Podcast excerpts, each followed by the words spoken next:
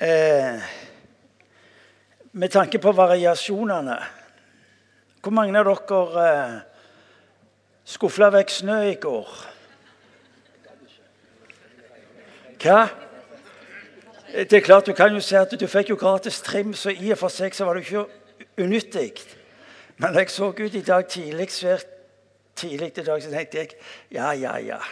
Lærer aldri. Hvorfor i all verden bryr jeg meg med den snøen? Naturen gjør det på sin gode måte uansett. Men det var ikke det jeg skulle si. Eh, poenget mitt er at vi lever i advent.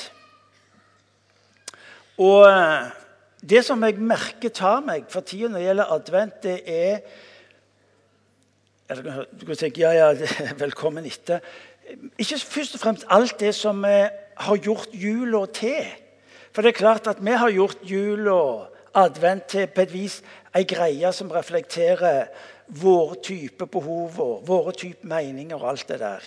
Vi kan ta diskusjoner på det etterpå når vi spiser inne der i, på kirkekaffen. Men det som, det som jeg merker tar meg for tida, det er Og det skaper en enorm forventning. fordi at uh, jul er egentlig den mest dramatiske tida i menneskets historie. Eh, vi snakker om påske som den viktigste. Den viktigste tida i menneskehetens historie det er det som skjer jul. Når Gud den allmektige velger å ta bolig blant mennesker. Alt er en frukt av det. Påsken, pinse, kirka, håp for denne verden. Så når du tenker jul, så la meg få lov til å ta deg inn i en tenkning som vet du hva? Den tida er en påminnelse om at Gud den allmektige har sagt nok er nok. Og så lander han imellom oss med alt det Guds rike representerer. Fordi at du og meg aldri, aldri skal kunne definere oss ut forbi det som Gud har for oss. Og som du skal være en del av. Uansett hva som er din historie. Uansett hva som eh, du måtte ha i din ryggsekk. For Han tar ikke utgangspunkt i hva du har gjort, men, hvem han vil være i ditt liv. Det er to forskjellige, to forskjellige verdener. Jo, vi skal fremdeles få lov til å ha det koselig når det gjelder advent og jul. Men la oss ikke miste dette fenomenale. At jul er Guds påminnelse til deg og til meg. Jeg er der. Jeg er der. Og uansett jeg er der. Og Det skaper i meg en forventning om at den tida som ligger foran meg, skal bli en annerledes tid enn den som ligger bak meg. Fordi han igjen minner meg på Martin, jeg. Og så kan du få lov til å se ditt liv i det som er, og så kan du hekte på alt det du måtte oppleve. Så sier han til deg og til meg la adventstida få lov til å være en påminnelse om at når jula treffer deg sånn midt i planeten, så er det en påminnelse om at jeg er der. Så Derfor så kjenner jeg at eh, yes, jeg gleder meg, fordi at med Guds påminnelse om at han igjen vil ta tak og føre oss videre det som av han, det skaper en forventning til hva det kan bli. Ja, dette var innledningen. Er det greit? Ja, fire stykker. Der, men det er bra. Eh, de av dere som har vært i siste gudstjenestene, vet jo at vi har starta på en gjennomgåelse av Markusevangeliet som det er godt mulig vi blir ferdige med til sommeren. Men det gjør ikke farlig at vi bruker god tid, fordi at det å bli i Guds ord og ause av ordet slik at det får lov til å treffe oss, berøre livene våre. Eh, det er avgjørende viktig. Og Du vil la dagens undervisning forstå at Guds ord er faktisk det mest dyrebare du og meg er gitt. Eh, fordi det forvandler, det nyskaper, det tar oss inn i det som advent er en påminnelse om et Guds rike som er kommet nær. Så nå skal dere få lov til å lytte til Guds ord. Det står i eh, Paulus sitt brev til Efeser han snakker om at med opplesningen av Skriftene Slik at nå skal dere få høre kapittel 4 av Markusevangeliet. Hele kapittelet. Det er ikke dårlig, det. Svein Tindberg sa det slik at uh, Noen av dere vet hvem Svein Tindberg er. Han sa at uh, det er altfor liten tro til Guds ord, for det blir altfor lite lest opp på gudstjenester og ulike møter. Så vi ønsker å ta et kraftig tak på det. Så nå kommer hele kapittel fire, så nå må du skjerpe deg. fordi at uh, dette er altså mat på høyeste nivå. Merete Blindheim leser.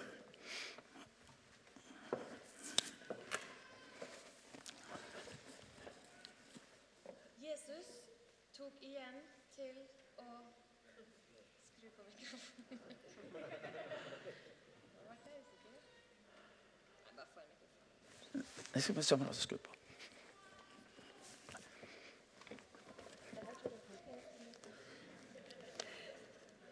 Den er på. Truls?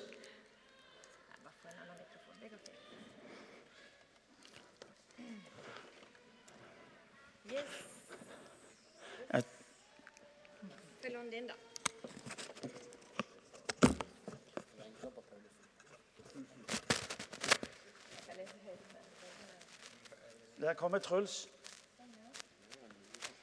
Det er livsfarlig. Det tenker jeg. ja. Jesus tok igjen til å undervise folket nede ved sjøen. Da samla det seg så mye folk omkring han at han gikk ut i en båt og satt i den ute på sjøen, mens hele folkemengda sto inne på stranda. Han underviste dem om mange ting og la fram læra si i likninger. Hør, sa han. En såmann gikk ut for å så. Og Da han sådde, falt noe attmed vegen, og fuglene kom og åt det opp. Noe falt på steingrunn, der det var lite jord, og det skjøt straks opp fordi det var så grunt. Men da sola steg, svei det av og visna, for det hadde ikke noe rot. Noe falt mellom klunger, og klungeren vokste opp og kvelte det så det ikke gav grøde. Men noe falt i god jord det skjøt opp, voks og gav grøde. 30, 60, ja 100 ganger det som var sådd. Og han sa, 'Den som har øre å høre med, hør!' Da han ble alene med de tolv og de andre som var med han, spurte han om likningene. Han svarer, 'Til dykk er løgndommen om Guds rike gjeven.' Men til de som er utenfor, blir alt gjeve likninger for at de skal se og se, men ikke skilje. Høre og høre, men ikke forstå, så de ikke vender om og får tilgjeving. Og han sa til dem, når det ikke skjønner denne likninga, hvordan kan du da skjønne i det hele skjønne likninger? Såmannen sår ordet. De attmed vegen, det er de som ordet blir sådd i, men når de har hørt det, kommer Satan straks og tar bort ordet som ble sådd i dem. Likeens de som var sådd på steingrunn. Det er de som tar imot ordet med glede så snart de får høre det. Men de har ingen rot og holder bare ut ei stund. Når de møter motgang eller forfølging for ordets skyld, faller de straks ifra. Andre var sådd mellom klunger. Det er de som hører ordet, men uroa for dette livet og den svikefulle rikdommen og lysta på alle andre ting kommer inn og kveler ordet, så det ikke gjev grøde. Men de som var sådd i den gode jorda, det er de som hører ordet og tar imot det og gjev grøde. 30, 60, ja 100 ganger det som var sådd. Siden sa han til dem når de kommer inn med ei oljelampe, setter henne da under et kar eller under senga? Setter ikke lampa på en halder, For ingenting er løgnt uten at det skal bli synlig, og ingenting er gjemt uten at det skal komme for dagen. Om noen har ører å høre med, så hør! Og han sa til dem, akta vel på det de hører. I det samme målet det sjølve måler med, skal det måles opp til dykk. Og enda mer skal det få. For den som har, skal få. Men den som ikke har, skal miste jamvel det han har. Han sa, med Guds rike er det slik. Det er som når en mann har sådd kornet i jorda. Han søv og står opp. Det blir natt, det blir dag, og kornet gror og veks. Han veit ikke hvordan det går til. Av seg sjøl ber jorda grøde. Først strå, så aks, så fulle korn i akset. Så snart grøa er mogen, svinger han sigden, for høsten er kommet. Og han sa, 'Hva skal vi sammenligne Guds rike med?' Hva likning skal vi bruke? Det er som sennepsfrøet. Når det blir sådd, er det mindre enn noe annet frø på jorda. Men når det er sådd, skyter opp og blir større enn alle hagevokstere og får så store greiner at fuglene under himmelen kan bygge reir i skuggen av det. Med mange slike likninger taler han ordet til dem, så mye de var i stand til å høre. Uten likninger taler han ikke til folket. Men når han var alene med læresveinene sine, forklarer han alt for dem. Da det led til kvelds samme dagen, sa han til dem, la oss fare over til andre sida av sjøen. De let folkemengden bli att og tok han med seg i båten der han satt. Andre båter fulgte òg med. Da kom det en hard kvervelstorm, og bølgene slo inn i båten, så han holdt på å gå full. Jesus lå i bakskuten og sov på ei pute. De vekte han og sa, 'Meister, bryr du deg ikke om at vi går under?' Da reiste han seg, truga vinden og sa til sjøen, 'Tei og vær still.' Da ga vinden seg og det ble blikkende stilt. Og han sa til dem, 'Hvorfor er de så redde? Tror de ennå ikke?' Men da ble de enda reddere og sa seg imellom, 'Hvem er dette? Både vind og sjø lyer han?'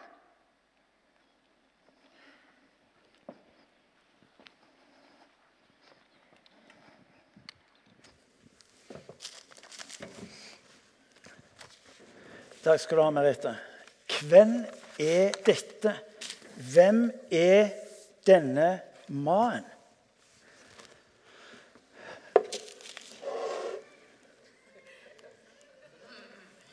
Dere har et problem.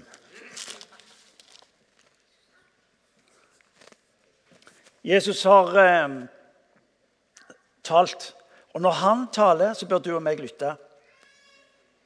Når Jesus sier noe, så bør du og meg høre etter. Og det han gjør i dag, eh, selv om det har noe med jordbruk å gjøre Og de fleste av dere har ikke peiling på jordbruk. Hvis vi nå er dønn ærlige, dere har ikke peiling på det. Men samtidig han skjønte hva han snakket om når han snakket om jordbruk. Men denne teksten er vel kanskje en av de viktigste tekstene for å få tak i når vi skal ha et forhold til det Jesus sier. Jesus er opptatt med, grunnleggende opptatt med at du og meg skal høre etter. Eh, I vers 3 og i vers 9 så er han opptatt med å si 'hør'. Hør etter. Hør hva jeg har å si deg. For det jeg har å si deg, har avgjørende betydning i ditt og mitt liv. Når, når betydningsfulle mennesker taler, så hører vi etter. Flere av oss har hørt i de siste dagene, har lest de siste dagene om hva Nelson Mandela sa. Fordi han representerte noe så enestående unikt at når han sa noe, så hørte folk etter hva han sa. Hør nå, Jesus sier noe til deg og til meg. Fordi det er avgjørende viktig i ditt og mitt liv. Så eh, prøv å se forbi en velmenende Martin Cave, og våg å høre det ord som Jesus har gitt til deg og til meg. For det du tar inn av det du hører og ser, det er med på å forme livet ditt. Du kan velge om TV-en, om ord fra andre, det du leser. Om det er det som skal prege og styre deg, eller om du vil at det som Jesus nå formidler til oss, skal få lov til å styre deg. Og jeg er ikke i tvil om at hvis jeg hadde nå en eh, anonym spørreundersøkelse på dere, så ville dere alle sammen si vet du hva, jeg ønsker å ta det Jesus har for mitt liv. Jeg er ikke i tvil om at det er det viktigste jeg kan gjøre. det at Når Jesus taler, så må jeg ta det inn. Jeg er ikke i tvil om at hvis ja eller nei, ja eller nei, så vil dere si hva, Martin, ja, det Jesus sier, at jeg må ta den, det må jeg ta den. Jeg er ikke i tvil om dere ville sagt det. Kan dere nikke hvis dere tror jeg Ja. Jeg har økt til ni nå, ser jeg. så det...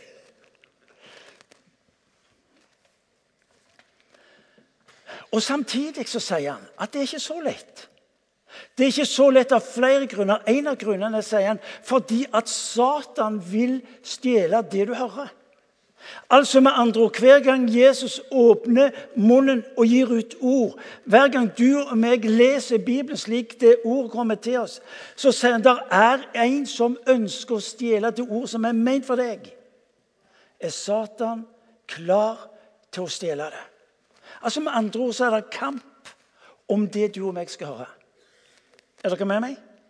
Altså Hver gang Bibelens ord kommer til oss, så er det altså kamp for det er en som sier folk må ikke få tak i det som står her, fordi det forvandler liv. Og Ergo er fienden på plass og vil gi deg distraksjonene for at du ikke skal ta det inn. Interessant. Hør, sier han. Ja. Hadde jeg vært Leif Hetland, så hadde jeg sagt 'si hør'. Dere, dere fikk ikke det med. Si 'hør'. Ja, det er bra. Hvem er det vi sammenligner oss med? Litt av hvert. Men det er ikke så farlig, det. Det er en stund så dere har glemt det. Jesus sier 'hør', og på den andre sida sier han 'Satan er her for å stjele deg, vil du skal høre'. Det er altså faktisk virkeligheten. Så når du hører Guds ord, når du er opptatt med å komme et sted for å høre Guds ord, så kan jeg garantere deg det er nokså mange gode beveggrunner for at du ikke skal gjøre det. Få tak i dette jeg å si. Det er at kampen om ditt liv er knyttet opp til ditt forhold til Guds ord. Hør! Satan er opptatt med å stjele det som jeg vil gi deg. Og Hvorfor er Satan opptatt med å stjele det jeg vil gi deg? Jo, fordi at Guds ord er det viktigste i ditt og mitt liv. Fordi det forvandler ditt og mitt liv når du får lov til å gjøre sin gjerning. Vers 15 Satan vil stjele det jeg vil gi deg. Det som vil være nøkkelen i ditt liv. Så dette er på et vis noe av eh, det bildet som Jesus gir sine omgivelser. Og så sier han i vers 15 så de mister det. Satan er opptatt med at du og meg skal miste det. Denne lignelsen har veldig ofte blitt fremstilt som en lignelse primært om de forskjellige menneskene. Lignelsene er primært ord om ordet.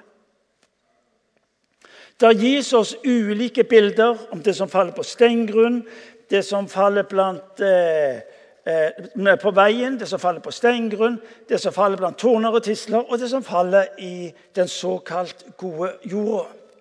Teksten er ikke om de ulike kvaliteter på mennesker. Dette er avgjørende viktig at du får tak i. Fordi vi har så ofte definert hvem det er som passer inn, og hvem som bør holdes utenfor. Så ofte så ble kristen tro et spørsmål om oppførsel istedenfor om tro, om tilhørighet. Vi har en kirkelig historie, vi har en bedehustradisjon som, som kvalifiserte og klassifiserte. Du passer inn, du passer ikke inn. Du må skifte måten du oppfører deg på. Du har en historie, du har gjort det og så, og så var det et register. Og det passet så godt med tolkningen av at mesteren også klassifiserer. Poenget hans er ikke klassifiseringen. Poenget hans med denne lignelsen er nemlig ordet. Og det er det du og meg må få tak i. Han er ikke opptatt med kvaliteten på mennesket, han er opptatt med kvaliteten på ordet. Ja, men det ble noe helt annet. Gamle frøposer så sto det 100% spiredyktig. Guds ord er 100% spiredyktig. Vi forklarer, vi definerer hvorfor det går som det går i den enkeltes liv, ut ifra det vi ser rent ytterst etter hva vi mener. Nå skal du høre Kirka sin, eh, sine såkalte vellykka kvinner og menn. Du vil oppdage i deres biografier at de strevde med livet sitt. Og det var alskens de strevde med. Når du leser i Bibelen om de menneskene som Gud brukte Det var jo folk som strevde med livet sitt hele bonden. Hva jord var det? Toner og tisler. Ja, når vi leser den teksten, så tror vi at ja, der hvor det skjer noe, det er de som Du har bearbeida jord. Det er den jorda som du kjøper i butikken. Er det med? Som er fri fra alskens skraps og elendighet. Beklager, folket, men de folka finnes ikke. Dagens tekst er ikke først og fremst noe om vellykka eller mindre vellykka mennesker. Det sier noe om noe som er spiredyktig, 100% nemlig ordet. Såmannen sår ordet. Få tak det er Jesus som er såmannen. Det interessante er at teksten er litt sånn type forvirrende, for han er både såmannen og han er ordet. Men for å bli i lignelsen, da, så du kan følge meg Det er Jesus som gir inn ordet i ditt og i mitt liv. Hvorfor er han opptatt med at du skal høre? Jo, for da har du fokus. Når jeg hører på Irene når hun snakker til meg, så vet du at det hører. Gjennom 34 års ekteskap. Når hun sier 'hør', hva gjør jeg da? Jeg hører. Både fordi det er klokt, det hun sier, og you bet listen to your wife when she speaks. Høre. Fokus. Det er et valg du gjør. Jeg har noe å si deg. Kan du få tak i dette? Jesus har noe å si deg. Ja, men så følg med, da.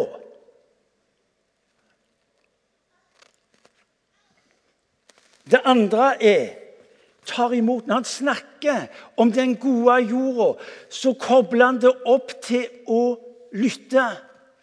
Han kobler det opp til å omfavne, ta imot det. Og så sier han 'bære frukt'. Uavhengig av kvaliteten på jorda. Det er kvaliteten på frøet som avgjør. Hør nå, Det er jo det som du og vi skal ha lov til å kjenne. vet du hva? Kjære Gud. For du og meg har regnestykker som så lett diskvalifiserer. Vet du hva? Han som såmann vet om kraften i ordet. Han kjenner til deg, og han sier 'mitt ord' skape det det nevner. Den gode jorda er ikke din fortreffelighet, men at du har våget å høre. Du har våget å omfavne for at frøet skal få lov til å bli det det var tenkt å være i ditt liv. Det er ikke jorda som bærer frukt, men det er frøet. Jo, det står at jorda ga grøde, men vi vet jo at det stemmer jo ikke. Jo frø som gir grøten. Jo frø som er utgangspunktet for livet. Jo frø som er utgangspunktet for det som skal blomstre i ditt liv. Det er godt sagt. Det er ordet som skaper det det nevnte. Det er derfor det er så viktig. Når han er opptatt med å fortelle hvordan dette mangfoldet gjøres, og snakker om 30, 60 og 100, så er det jo ordet. Det er jo frøet, ikke jorda. Om du hører hva jeg sier Ja, men da er det jo håp, da! Herlig freden! Der du og meg sitter med regnestykket ja, men det og det kan jeg ikke, og det kan jeg ikke, og det kan jeg ikke, og, så, og det burde jeg ha gjort, og det burde jeg ha fått til. og Alle de der gyselige regnestykkene som tar livet av oss. Stjeler. Vet du hva Satan kalles for? Løgneren. Vet du hvordan han tar fra deg og meg ordet? Ved å lyve om ordet lyve om deg. Ja, en lang tes.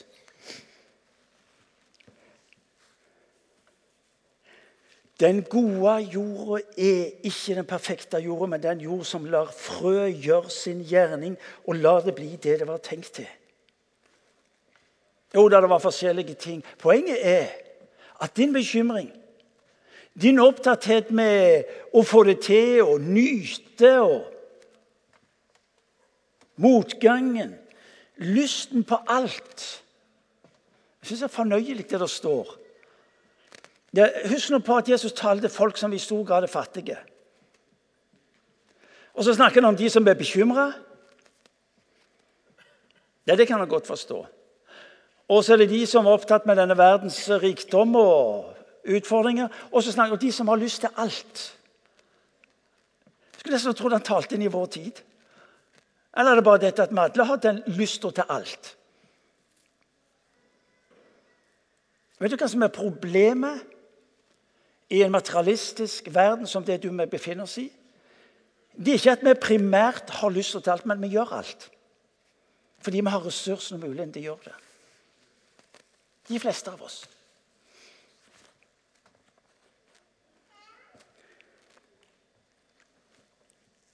Konkret. Dette er konkret. Hvordan? Hør ordet. Ja, det har jeg hørt før. Ja, men gjør det igjen. Les ordet. Ta det inn. Veksten i ditt liv er ikke hva du kan prestere, men hva ord kan skape i ditt liv. Ta ordet inn. Dere har hørt meg si det mange ganger før. Den her ligger i lomma mi. Gamle navigatører, dere vet hva dette er for noe. Det er å memorere Guds ord. Lære det. Ja, hvorfor gjør du det? Jo, fordi at kraften i Guds ord skal skape noe i mitt liv som har betydning for de forbi. Du og meg har så altfor ofte gjort spørsmålet om livet som kristen til et spørsmål om hva vi skal gjøre. Mens det som egentlig er poenget, det er å la ordet få lov til å gjøre. Jesus sier i Romerbrevet 12,2.: Embrace what I'm giving you. Omfavn det ordet jeg gir deg, slik at det kan skape i ditt liv. Så skriver bibelversene her. Og så leser jeg de, ligger det foran meg på CD inne i bilen. Og hver gang jeg må stoppe for et lys eller en rundkjøring eller kjøre på motorveien Nei, ikke noe kjøre på motorveien.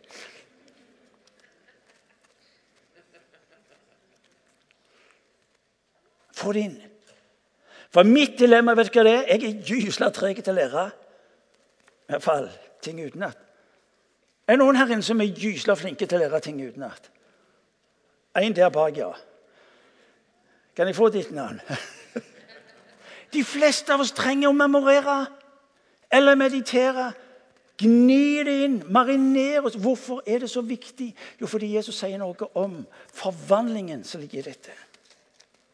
Omfavn ordet, kaller vi det for på godt norsk. Og så gjør det ordet sier, og det blir en del av ditt liv. Hør nå. Paulus sier i sitt brev i Korinterbrevet Paulus sådde Apollos vanna, men Gud ga vekst. Og så leser du, og bare la oss gjenta det som står i Markus evangeliet i kapittel 4, fra vers 26 til 29. Og han sa med Guds rike er det slik. Altså, med Guds rike er det slik. Altså, Det han nå sier, tar oss inn i prinsippet av hvordan Guds rike fungerer. Med Guds rike er det slik. Det som er det er som Nei, det var feil. Hva skal vi sammenligne Guds rike med? Hvilken lignelse skal vi bruke? Det er som et sennepsfrø. Når det blir sådd, er det mindre enn noe annet frø på jorden. Men når det er sådd, vokser det opp og blir større enn alle hagevekster og få så store greiner at himmelens fugler kan bygge rede i skyggen av det. Ser dere hva dette er?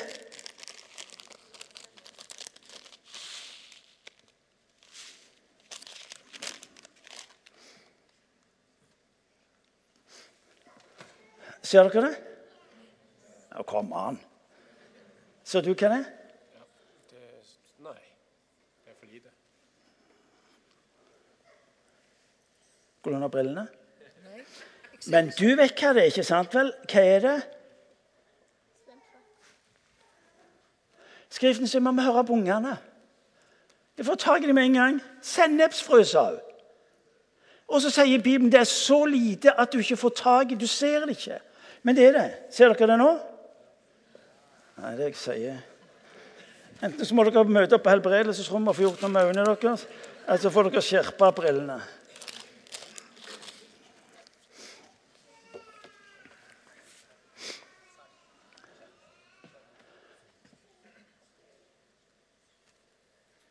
Du skal ikke forakte det som er lite. Du skal ikke forakte det som er ubetydelig.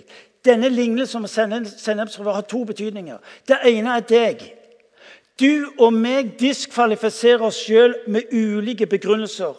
Vi ser på vår historie, og så har vi definert oss ut forbi. På den andre sida ser vi på Bibelen så spør vi ja, men kan den gjøre så mye. Kan den ha den betydningen? Hør nå, Martin. Følg nå med. Jeg har lest Guds ord. Ja, Men det er godt mulig du skal sette deg ned så skal du spørre hvordan jeg leser Guds ord. På hvilken måte tar jeg dette ordet inn? På hvilken måte gir jeg det plass i livet mitt, slik at jeg ikke bare snakker om å lese et eller annet fra bifarten? Hvis det er sant det Jesus sier, hør! For at du og meg skal se forvandla liv i egne liv, så sier han, la det skje ved mitt ord. Ser dere den fine blomsten? Den er ikke kunstig. Jeg sprang rundt i hele kontorlandskapet for å finne en blomst som ikke var kunstig. Den er ikke kunstig. Hva blomst er det? Hva sa dere? Orkidé. Vet dere hva type orkidé det er? Hva sa du? Paranopsis. Falanopsis. Kan dere si falanopsis etter meg? Nei, hør nå. Det er ikke tungetale.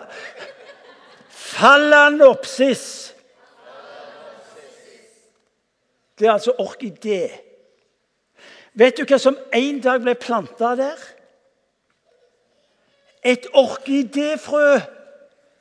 IQ-test i luxe. Hvis du ønsker å se livet ditt bli Jesus likt, så må du plante et Jesusfrø. Jeg er klar over bildet litt banalt. Men du tar det.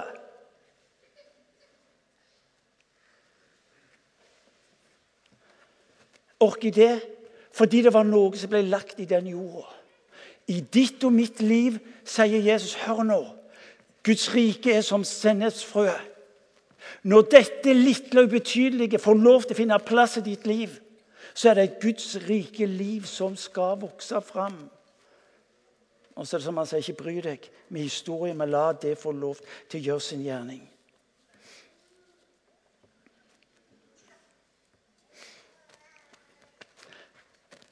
Teksten tar oss inn i et møte med bekymringene, med nytelsen, med ulike ting ved våre liv. Vår bønn blir ofte 'fiks meg'. Fiks opp, Gud. Hjelp meg med det jeg strever. Jeg orker ikke mer. Men hans ord er hold deg til meg og la meg få lov til å dele ditt, mitt hjerte med deg. Der du og meg er opptatt med å fortelle han om alt det som jeg trenger å få ordna opp i, så sier han hold deg til meg. Mitt favorittvers blant mange andre ikke vær så opptatt med det du trenger, som å motta det jeg vil gi deg, står det i Lukas evangeliet, kapittel 12, vers 39. I den engelske oversettelsen.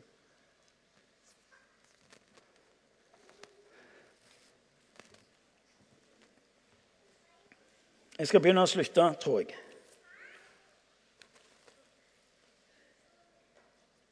Du og meg har et ønske, du og meg har en drøm, en lengsel med at livene våre skal bety noe. Jeg tror jeg må ta ned den, for jeg ser ikke dere som sitter der. Men alle ser der, den står der nesten, bortsett fra dere. Kan ikke tilfredsstille alle. Men vi har en drøm om å få lov til å bety noe. Vi snakker om en flyt, vi snakker om håp. Vi snakker om å få lov til å representere trøst. Nøkkel, sier Bibelen dagens bibeltekst til deg og til meg. Hør på det jeg har å si deg. Omfavn det jeg gir deg, og la det få lov til å gjøre sin gjerning. Så står det Så skal det bli altså 30-60-100 ganger mer enn det opprinnelige. Og Når du og meg ser det lille frøet, når du og meg er opptatt med å definere hvor, ja, er det viktig eller ei, så sier han ut ifra det som får ta bolig i ditt liv, 30, 60, 100 ganger mer. Jesus gjør oss en kontrast med sennepsfrøet. Potensialet, mulighetene og det lille og ubetydelige. Du ser et frø mens Jesus ser et tre. Det er også grunnlig godt sagt. Der du ser frøet, ser han treet. I ditt og mitt liv. Der du og meg ser det som skulle vært annerledes i ditt og mitt liv, der ser han hva han vil gjøre. Et liv som har betydning.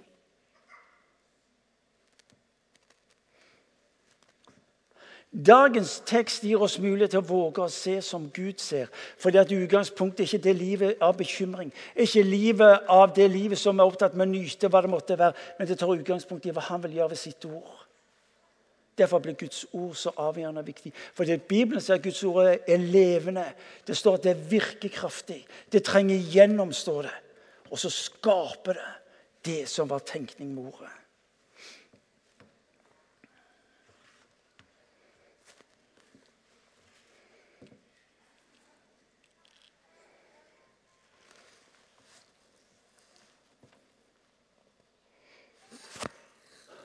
Så skal dere få en tolkning på en hendelse som er min, kanskje.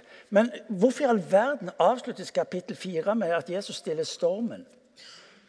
Der har han snakket om landbruk, jordbruk. ikke sant? Han har snakket om frø og opp og ned og i mente. Og så plutselig så får du i kapittel 4 beretningen om stormen.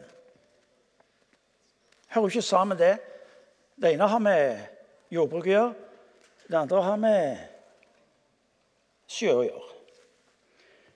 Hvorfor det er sånn? Dere husker slutten av beretningen. Beretningen er Jesus sier vi drar over på andre sida av sjøen. Mens de er på vei over, så bryter det storm inn, virvelstormer inn. De som er om bord i båten, er erfarne fiskere. Og de blir redde. Og så ser du dette fenomenale bildet av Jesus som ligger bak i båten. Jeg synes det er så fascinerende. Hør nå, Dette er ingen cabincruiser. Dette er ikke sånn en båt hvor du har tildekt bakre del av båten, og han ligger der. Det står at Når det slår vann inn i båten, så må han òg ha blitt blaut. For å si det sånn. Ja, men det var tydelig at det betydde ingenting i livet hans. Er dere med? Han sover. Det er nesten som det går en fullstendig hus forbi. I Faderens hender. Noe av det siste han sier på korset, far, i dine hender overgir jeg min ånd. Lukas 23. Det er nesten så du blir påminnet om at der han ligger bak i båten, frykter han ikke. Fordi at han er i far sine hender. Mens disiplene har en opplevelse av at Jesus ikke bryr seg. For det er det de sier til han. Bryr du deg ikke? Han er taus. Og det er godt mulig du og meg kjenner i livet at han er taus. Det er godt mulig at du og meg i livet kjenner på vet du hva, Hvor er du henne, Gud? Ser du ikke at vi holder på å gå under? Og så sier han Av og til så stiller Jesus noen aldeles klønete spørsmål. Hvis Peter og Jakob og Johannes er redde som erfarne fiskere. Da er det normalt sett grunn til å være redd. Og han spør hvorfor er dere så redde. Se for deg situasjonen. Jesus spør disiplene ja, hvorfor er dere så redde. Og de sier 'hva behager'? Se deg omkring, du ser jo bølgene. Og så sier Jesus til dem, 'Jeg ser bølgene, men ser dere meg?' Jeg ser bølgene, men ser dere meg? For når jeg er der, så går dere ikke unna.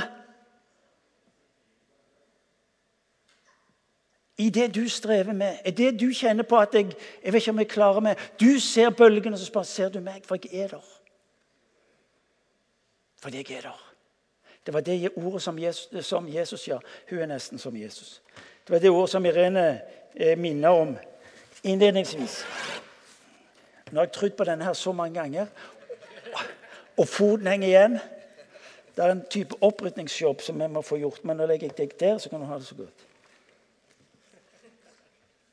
Jesus, så du ikke bølgene? Jo, sier men så du meg? Men det kunne være en annen mulig òg. Mulighet fra Jesus' side. Hør nå godt etter. Hvorfor tok ikke dere bølgene?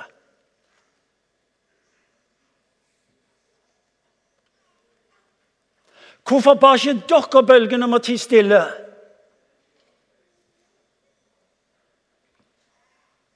Det er en mulighet. Faktisk. At der du og meg ber Jesus om å komme inn og ordne opp, så sier han ja, men gjør det du. Fordi mitt ord har tatt bolig i ditt liv. Fordi at jeg ved min ånd er i ditt liv for å gjøre de tingene som du ber meg om å gjøre. Og så sier han Hvor er troen din?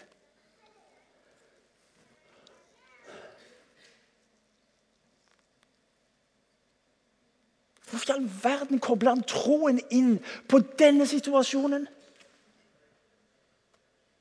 Fordi han hadde undervist dem om at uansett hva som er din historie, så er jeg i ditt liv ved mitt ord. Og når du ender opp i de situasjonene som du syns er vanskelige, så sier han 'Jeg er der'. Ser du ikke bølgene? Jo, men ser du meg? Troen ser Jesus. Der frykten og vantroen ser bølgene. Det er godt mulig at han egentlig sier til dem Hvis dere hadde hatt tro, så hadde dere sagt til bølgene ti, vær stille.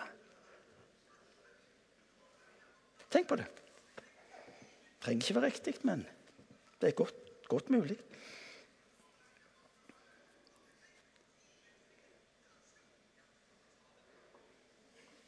Dagens tekst Dagens tekst starter med å bære frukt. Alle her inne kan bære den frukta som Bibelen taler om. Fordi frukta tar utgangspunkt i noe Gud har planta i ditt og mitt liv. Ditt og mitt ansvar er bare å gi det vekstmulighetene, vekstvilkårene i vårt liv. Guds rikes frykt.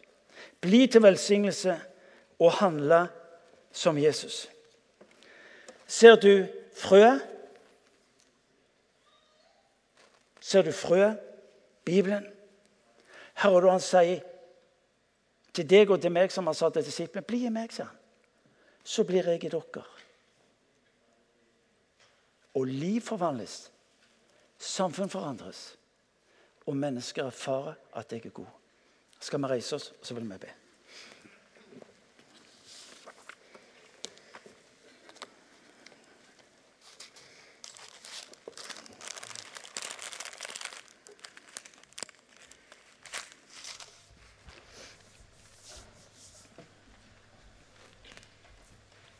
Jesus sa til deg 'hør'. Og så har jeg gjentatt det. Hør.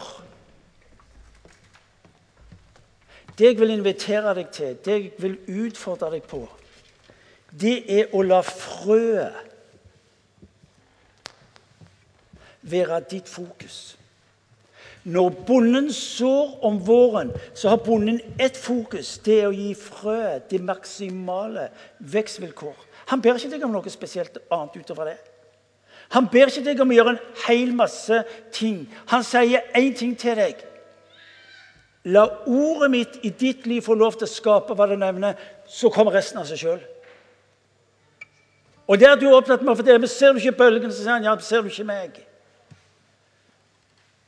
Der du er opptatt med å fortelle om jorda som ikke holder mål, så sier han men hør nå, det jeg gir deg, det er 100 spiredyktig. Derfor gleder jeg meg til jul. For det blir igjen en sterk påminnelse om Han som en gang kom. Kom med meg i møte hver enda dag for å virkeliggjøre det han ønsker å se skal skje i ditt og mitt liv. Så slutt å fortelle. Slutt å fortelle deg sjøl løgnene om hva Jesus ikke kan gjøre i ditt liv. Og omfavn det ordet han gir deg om at 'jeg vil la mitt ord' skape hva det nevner. La oss be. Kjære Herre Jesus Kristus, jeg takker deg fordi du kommer til oss. Du vet hvem vi er. Du kjenner de ulike jordsortene i våre liv her vi står. Men du har sagt at mitt ord, du har sagt at du er den som er livet, som er kraften og virkeliggjør. Far, jeg ber om at du skal la den enkelte av oss som står her inne, jeg ber du skal åpenbare for oss, røre ved øynene våre, slik at vi våger å tro ditt ord om at det skaper det det nevner. Og Nå ber jeg om at til deg som er nå i denne salen, vil jeg at du konkret skal gi et løfte. Jeg vil at du skal gi et løfte til Jesus om at vet du hva? Det ordet som du er, som du gir meg, det vil jeg gi de vekstvilkår det, som det trenger for å bli det det var tenkt å gjøre. Der du står, så la det være bønnen din. Og Så må du gjerne si 'Gud, hjelpe meg'.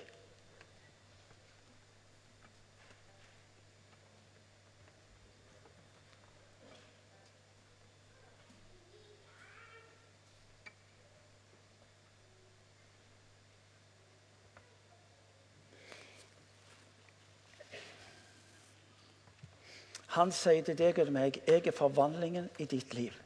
Ved det vil du være en forvandlingskraft i dine omgivelser. Far, jeg takker deg fordi du kom til oss. Fordi du tok bolig i våre liv. Og fordi du har sagt at du vil aldri trekke tilbake ditt løfte om å være nær i våre liv for å virkeliggjøre det du drømmer om.